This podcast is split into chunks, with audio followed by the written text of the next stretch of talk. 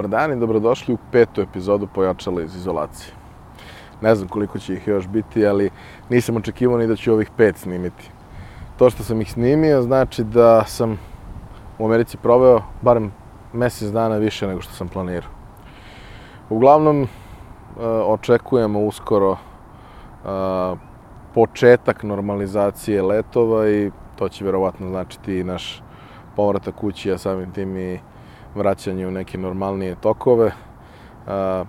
To znači da ćemo se vratiti formatu intervjua, ali ako vam to bude značajno, možemo da zadržimo i ovaj format, pa mogu jednom nedeljno snimati nešto, neku ovakvu kratku formu. Ostavite to u komentarima. Takođe, ako niste gledali prethodnu epizodu, a i ako ste gledali, pogledajte komentare, jer ima vrlo zanimljivih predloga šta od kvalitetnog sadržaja možete da konzumirate i čime da hranite glavu u, u, u, u ovom periodu kada svi negde tražimo ovaj, čime ćemo se zabaviti, a da to bude koliko toliko konstruktivno. Voda smiruje, ja sam ovde pored vode, ne znam koliko se to vidi na snimku, verovatno ne mnogo. Voda smiruje, u hladovini sam, ovde je baš vruće i baš vlažno bio je jedan period od nekih 7 dana kada je stvarno bilo idealno vreme, ali, ali taj period je prošao. Tako da ostajem u hladu primarno jer moj svetli ten ne podnosi baš najbolje ovo ovakvo sunce. Elem, današnja epizoda neće biti previše duga, biće kraće možda nego prethodna, ovaj, gde mi se baš malo otelo ovaj, snimanje, ali nekako imao sam dosta stvari koje sam hteo da kažem. I danas imam nekoliko uh, važnih tema koje u suštini figuriraju sve oko jedne. A zašto sam se za njih odlučio uh, i za tu temu kao primarnu? Pa zato što je u najvećem broju vaših pitanja, koji dalje stižu svakodnevno i ima veoma zanimljivih uh, i veoma inspirativnih tema i Ovaj, hvala vam na tome i pišite i dalje, info et pojačalo RS, ako mogu nekako da vas posavetujem, da vam pomognem, da vam pronađem nekog ovaj, sa kim biste možda mogli da realizujete svoju ideju, ako to nisam ja, ili samo da vas saslušam i da vam kažem da će biti sve okej.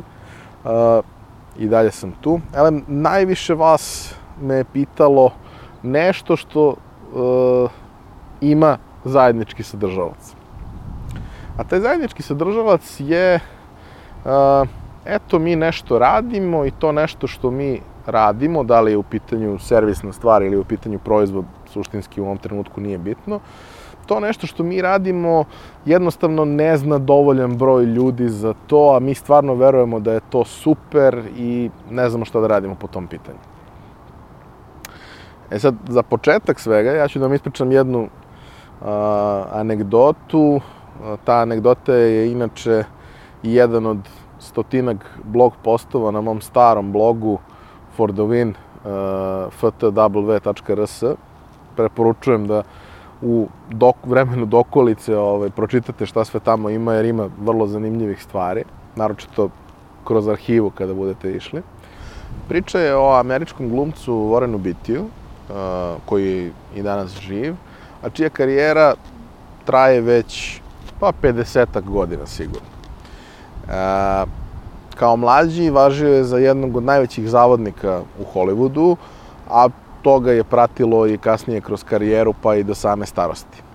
A, u tom nekom periodu njegove najveće popularnosti bio je dovođen u vezu sa svim najlepšim ženama sveta, a sam ulazak u glumu je za njega bio takođe specifičan, zato što je on uh, rođeni brat Shirley MacLaine, koja je bila velika zvezda tog, tog vremena, a takođe tokom fakulteta je bio izuzetno uspešan sportista uh, u okvirima cele Amerike i onda je kao veoma lep, kao uspešan sportista, dobio pažnju medija i pre nego što je krenula karijera. Onda se ispostavilo da ume i da glumi i taj deo njegovog života je krenuo i zaista je stalno bio pod budnim okom javnosti samim tim, jeli, mediji i tad nisu bili baš mnogo bolji nego, nego danas i bilo je mnogo spekulacije o njegovom ljubavnom životu i svemu tome. I uh,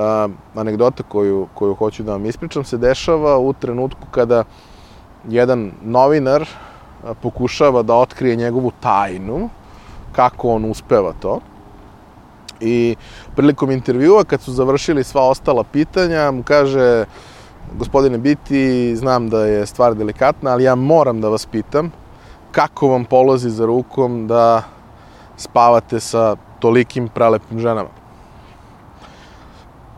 I on kaže, pa, pitam, svaku pitam. A novina kaže, i one sve kažu da. Pa kaže, znate kako, ne kažu sve da, ali ja svaku pitam.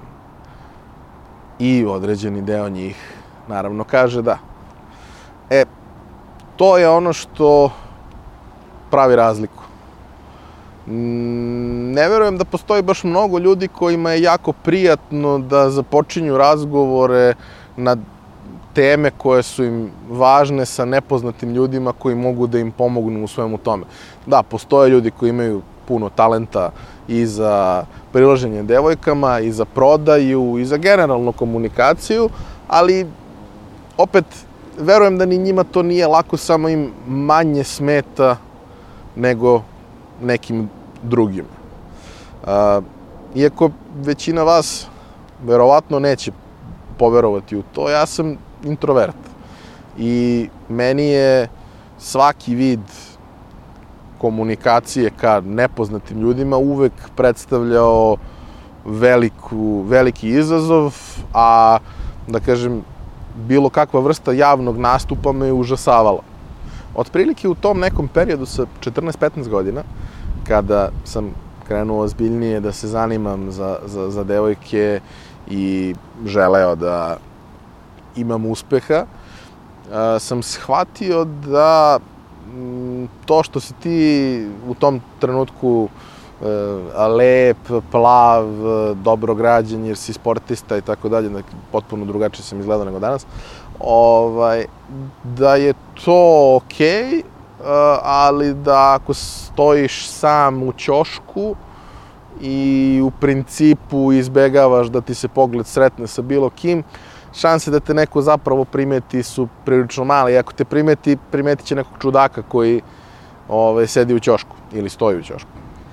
I shvatio sam da iako imam problem i osjećam nelagodu, moram da radim na tome, odnosno moram da pokušam da to prevaziđem. I prvi put je strašno, i prvi put je to izgledalo užasno, drugi put je izgledalo manje užasno, treći put je izgledalo još manje užasno, deseti put je s polja delovalo kao da je sve okay, iako sam ja unutra imao ovaj, vulkan, bukvalno.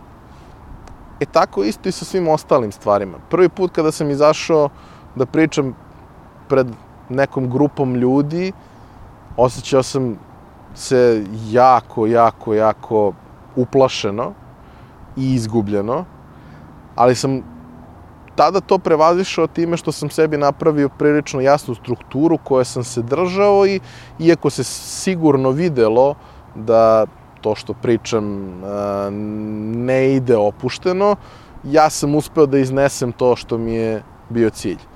I toga sam se držao narednih dosta puta.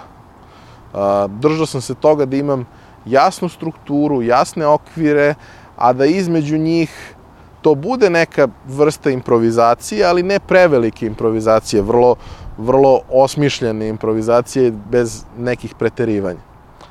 Kasnije, uz mnogo vežbe i mnogo prakse, postajalo mi je sve manje teško, a te, ta struktura i ta, te neke celine koje bih sebi pravio, uh, bile su slo, sve slobodnije formirane do toga da danas vrlo često, ako pričam na neku od tema koje spadaju u, u korpus tema koje redovno, da kažem, pokrivam, ja u principu 100% improvizujem. I na prezentaciju koja je iza mene, ja mogu da pričam na pet različitih načina u dužini od 15 minuta do 4 sata sa, sa istim slajdovima i sa, sa svim ostalim. Druga stvar je što ja sad pokrivam dosta tema i uh, iako većinu njih mogu da improvizujem, trudim se da tome ipak pristupim studiozno i pripremim se na pravi način, uh, što u mom slučaju ne znači da to sad nabubam na pamet i imam neku rigidnu strukturu, već da prosto ključne stvari koje hoću da kažem sebi posložim na neki način da bi to imalo neki dobar, logičan tok i da prosto te stvari ovaj, na kraju za, za, gledaoce i slušaoce budu bolji. Zašto sam se dotakao javnog nastupa? Zašto vrlo često ljudi taj problem koji, koji imaju u komunikaciji vezuju za javni nastup i misle da će to rešiti nekim treningom javnog nastupa. A, a kao što ste mogli da čujete, a preporučujem da poslušate ko nije, u epizodi sa Rednjom Deretom, a, javni nastup se kod nas, sa izuzetkom njegovih i još nekih treninga, uglavnom ne trenira, nego je to predavanje, gde neko dođe ispričati, nema ni vežbi, ni ničega, ali ti si otprilike dobio nešto. I nije da to ne pomaže, ali većinu tih stvari možete i sami, ne morate da odete negde. Zašto sam još pomenuo javni nastup? Ja sam do sada pričao pred jako velikim brojem uh, dominantno mladih ljudi, ali ne samo mladih ljudi, ne samo studenta. Kad kažem velikim brojem, sigurno do sada pred barem 15 do 20 hiljada ljudi uživo i ko zna još koliko onih koji su gledali neke materijali, neke moje priče. I ono što je vrlo, vrlo karakteristično, to je da kada se završi ta priča, bude aplauz najčešće i gotovo uvek i zaista to znači svakome ko, ko govori, koliko god možda nekad pričali da to nije tako, verujte mi, jako znači. Dobiješ aplauz, dobiješ iskren aplauz, dobiješ jako puno toga i onda pitaš je li ima pitanje i niko ne digne ruku. Sad kad smo organizovali događaje, uglavnom smo to rešavali tako što postavimo par ljudi u publici e, koji će da probiju led i postave prva pitanja I onda kad ljudi vide da neko drugi se odvažio i oni skupe hrabrosti umesto da se završi na tom jednom pitanju koje je dirigovano, završi se sa 50 pitanja i bude dobra priča. Međutim, u nekoliko situacija, recimo na jednom seminaru za e, traženje posla i alternativno zapošljavanje, gde sam pričao na temu freelancinga, e, upravo zato što su to ljudi kojima je najpotrebnije da izađu i kažu i nađu način, nađu svoj glas. Uh, rekao sam, možete da pitate kada se završi predavanje, tada možete da pitate i to je to. Uh, kada siđem sa scene, nemojte da mi prilazite, nemojte da mi govorite uh, nakon toga vašu priču i tako dalje. Ne, ovde ima 70 ili 100 ljudi sada i ovde podignite ruku i pitate to pred svima.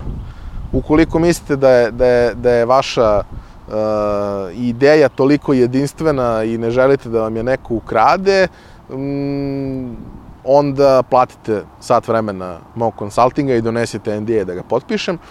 Ali ako želite nekakav savet, vrlo verovatno ste u sličnoj poziciji kao većina drugih ljudi i to što bih rekao vama, vrlo verovatno i njima može da koristi. I s tim u vezi vrlo je negde bitno da pokušamo da, da se i vi oslobodite, a i da ljudima zajedno damo neku vrednost. I naravno niko se nije javio. Ja sam ponovio još jedno malo kraće izlaganje od toga. Ponovo se niko nije javio. Ja sam krenuo da, zahvalio se, ugasio laptop i krenuo da siđem, krenuo da prilazi 50 ljudi. Kažem, ljudi, ne, rekao sam vam, lepo sam vam rekao, Međutim, niko nije želeo da priđe.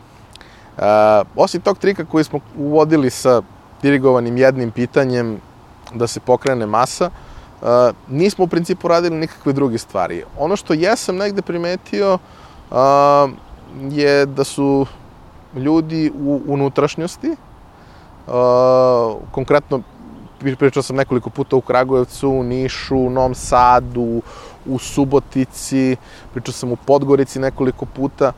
Ti ljudi su mnogo otvoreniji i mnogo slobodniji i mnogo hrabriji možda, a analizirajući zašto je to tako, došao sam do zaključka da je to zbog toga što oni nemaju toliki izbor kao ljudi u Beogradu. Jer u Beogradu vi u nedelju dana, kada nisu vanredne okolnosti, možete da slušate besplatno desetine i desetine ljudi i onda samim tim možete na neki način da budete razmaženi. U Nižu je to doživlje. U Nižu se nikad ne desi da sala ne bude dupke puna kada dolazi neko od nas i onda samim tim ljudi gledaju da iskoriste priliku jer nemaju ih toliko. E, mislim da samo svako treba da se na neki način prebaci u razmišljanje da niko od nas nema prilika na bacanje i niko od nas nema vremena na, na bacanje i da prosto treba da progutaju tu knedlu ili kako kaže Brian Tracy, a kako je citirao i pokojni premijer, a, da treba da pojede tu žabu, a ako ima više žaba da treba da krene od najveće. E ja to zaista, zaista mislim.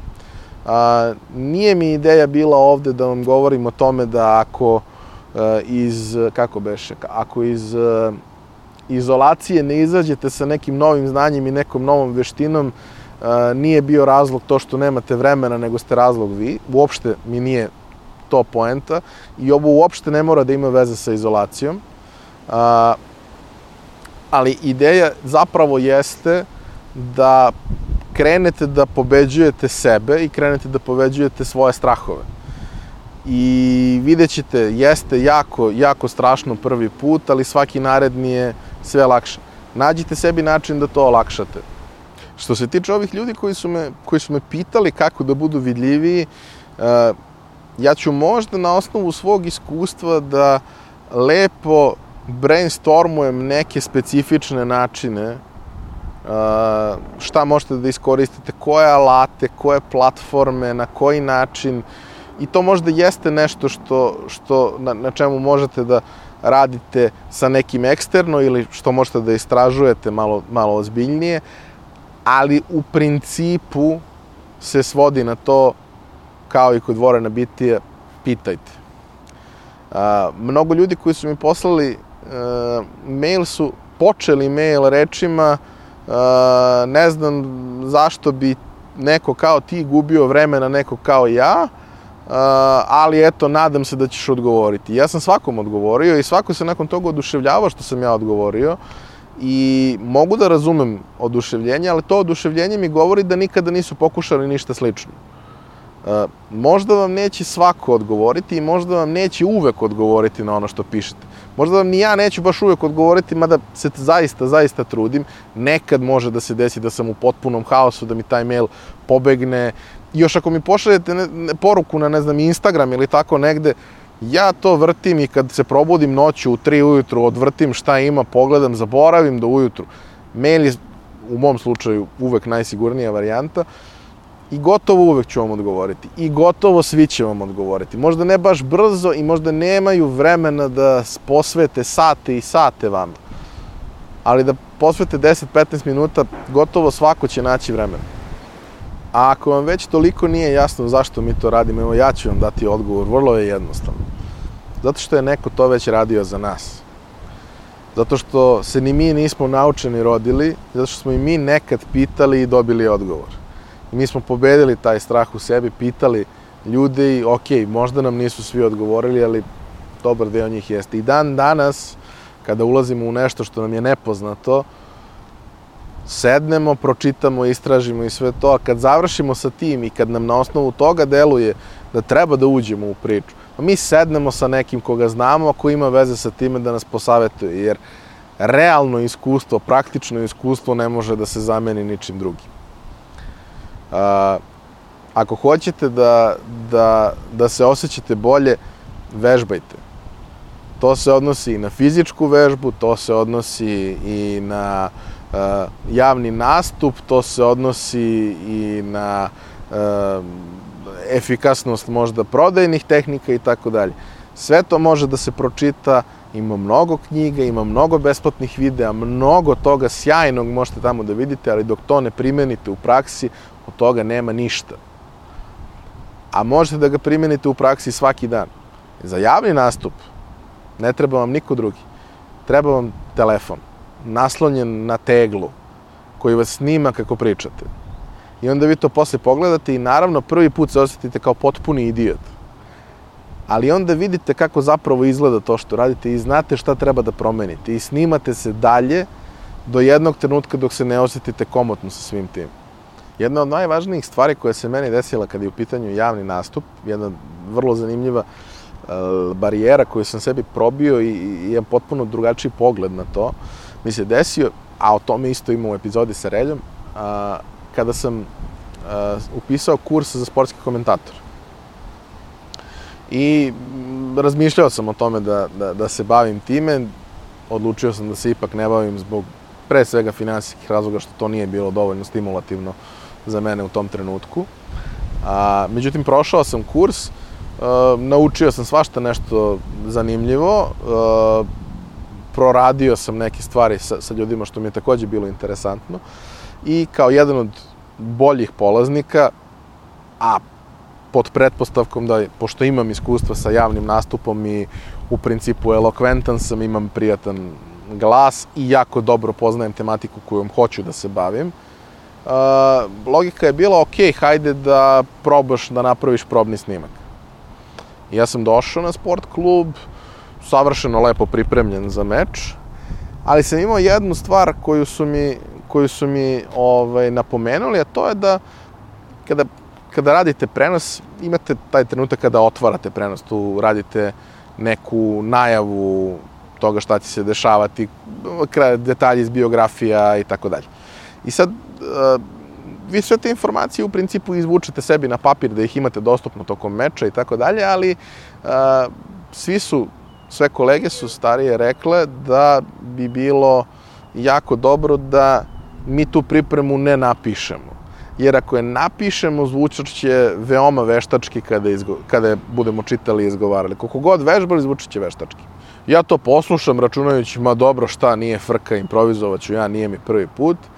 Dođem u kabinu, probam, blokiram, probam ponovo, ponovo blokiram, probam treći put, ponovo blokiram, skinem slušalice i izađem iz kabine.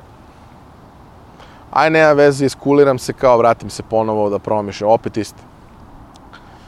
I onako prilično razočaran, jer u principu ne failujem na takvim stvarima, odlučim ja da pozovem jednog mlađeg kolegu, jer ova ekipa koja nam je držala, svi su oni super, ali oni su stare kajle, oni po 25 godina rade i verovatno se i ne sećaju kako je izgledalo kad su počinjali. Ali pozovem ja a, Baneta Pralicu, koji je takođe fantastičan komentator, iako se sad vratio svom primarnom poslu teniskog trenera, ovaj, ali fantastičan komentator, ali mnogo mlađi i mnogo uh, skorije je on prolazio kroz to sve.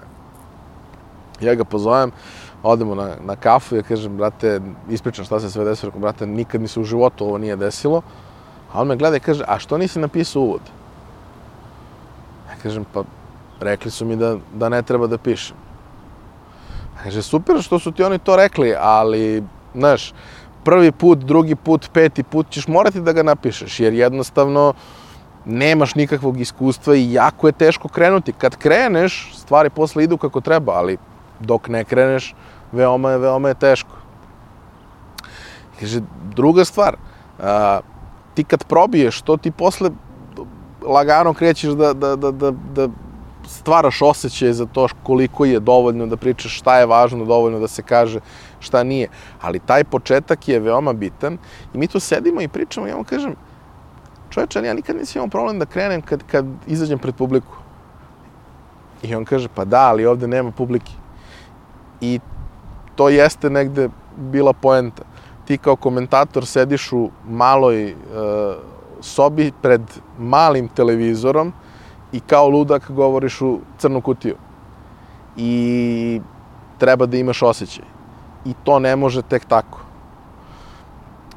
Ono što sam naučio tu, što isto mislim da je veoma bitno, uh, nije problem da napišeš tekst. Napiši tekst. I onda ćeš da ga pročitaš u sebi. I sve će da ti zvuči super.